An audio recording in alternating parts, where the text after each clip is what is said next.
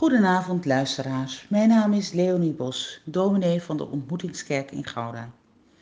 Ter bemoediging lees ik u elke avond de dagtekst van de zee en een kort gebed. De brief aan de Efeziërs schrijft, laat de geest u vervullen.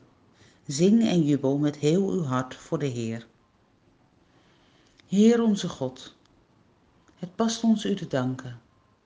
Wij danken u voor het grote en het kleine wij danken u als we in de afgelopen tijd de grote wonderen van dit leven mee mochten maken. Van liefde, van nieuw leven. Wij danken u voor de kleine dingen die goed waren. Dat ene goede gesprek, dat ene lieve kaartje. Het past ons om u te danken. Wij danken u voor het vanzelfsprekende en het bijzondere. Wij danken u voor ons dagelijks brood voor de huizen om in te wonen, de auto's om in te reizen. Wij danken u ook voor uw bijzondere nabijheid, dat u antwoordde toen we naar u zochten. Voor al het goede danken we u. Maar er is veel in ons leven waardoor onze dankbaarheid kan verstommen.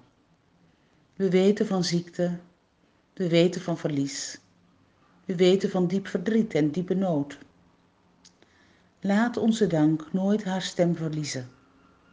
Houd door uw geest het loflied en het dankgebed in ons levend.